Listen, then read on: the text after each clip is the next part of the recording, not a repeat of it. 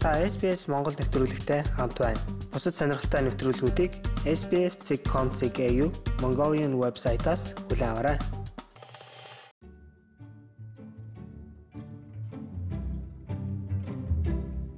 Сайн байцгаана уу хэм сонсогчдоо.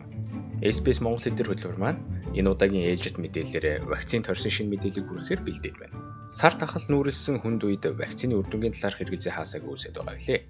Тэгвэл Оросын холбооны улсын Спутник 5 вакцины 90-с дээш хувийн үр дүнтэй туршилтаар батлагдсан талаар эрүүл мэндийн эрдэм шинжилгээний сэтгүүл болох Lancet-д мэдээлжээ.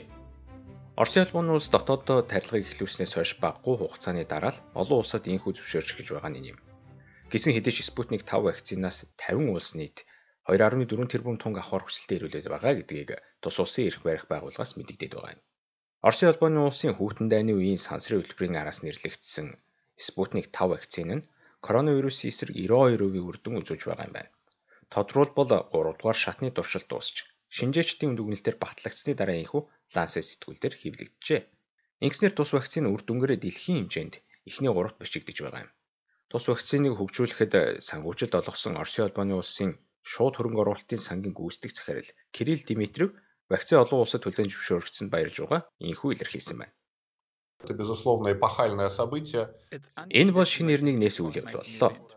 Одоогоор дэлхий дээр дөрвөн вакцин 3 дугаар шатны туршилтад аваад эрдэм шинжилгээний сэтгүүлдэр нийтлэгдээд байна. Манай вакцин хамгийн үр дүнтэй 3 вакцин тооцогдох болсон нь Lancet сэтгүүлдэр гарсан байна.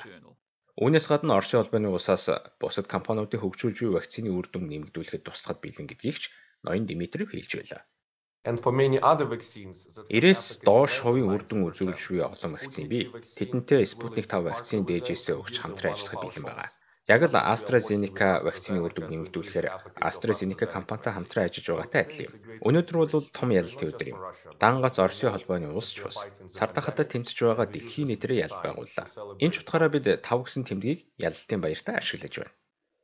Оросын холбооны улс нь 8 дугаар сард буюу өргөн хүрээний туршилт эхлүүлэхээс өмнө тус вакцины зөвшөөрөл олгосон нь эрдэмтдийн дунд эргэлзээ төрүүлж гисэн юм. Гэвч энэ удаагийн туршилтын дүн нь тарилга эхлэх үед буюу Оросын холбооны улсын эрх барих байгууллагаас гаргаж байсан тайлантай нийцэж байгаа ч. Тус вакциныг Оросын холбооны улсаас гадна хэд хэдэн улсад хүлээж зөвшөөрөд байгаа бөгөөд дийлэнх нь баруун Европын бус орнууд байгааг нь. Тухайлбал хуучин зөвлөлт холбоот улсын цөөн хэд орнууд Латин Америкаас Аргентин, Боливи, Венесуэл зэрэг орж байгаа бол Серб, Иран, Палестин, Арабын нэгдсэн Эмират улс ч гэсэн үүнд багтжээ. Европын холбооны орнуудаас Унгар улс л тус вакцинд анхан шатны зөвшөөрлөө өгöd байгаа бөгөөд эцсийн шийдвэрийг үндэсний олон нийтийн эрүүл мэндийн төвөнд гаргах юм.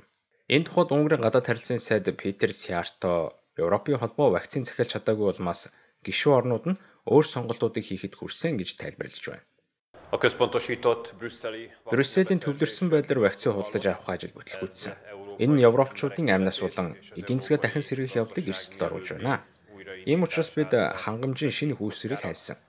Хэдийгээр Европын холбооноос ийм алхам хийсэн анхны ус нь бид боловч сүүлийнх нь болохгүй шүү.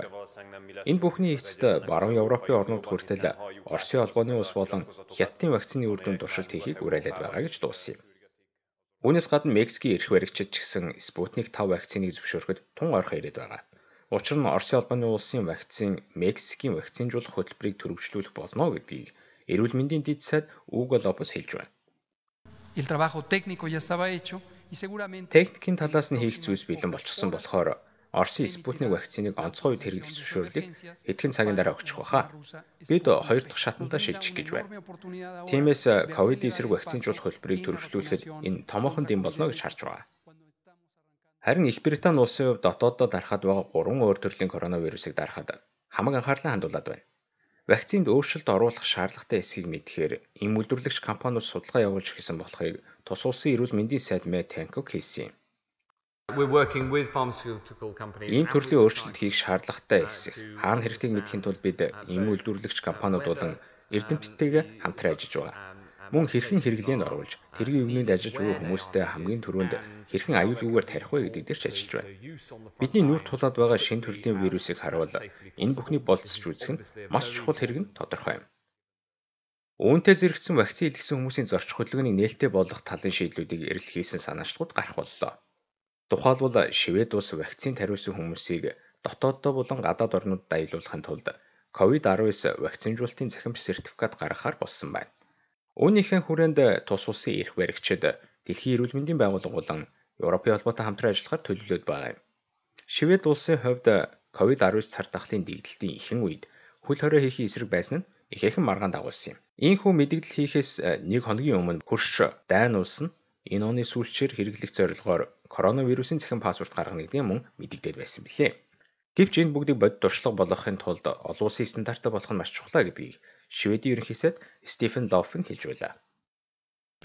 As the social affairs minister said, бид нийтлэг стандарт олохыг хичээж байгаа гэдгийг нийгмийн асуудал эрхлэн сайд маань хэлсэн. Одоохондоо урдч нөхцөл нь юу байхыг хэлж чадахгүй байгаа ч Европын холбоонд зориулсан стандартыг олохыг хичээж байгаа. Мэдээж хэрэг дэлхийн стандартыг ч орхитуулахгүй. Энэ бүхнээс юун төрөнд дотооддоо хэрэглэх сертификатыг нэвтрүүлэх хэрэгтэй юм шиг байна.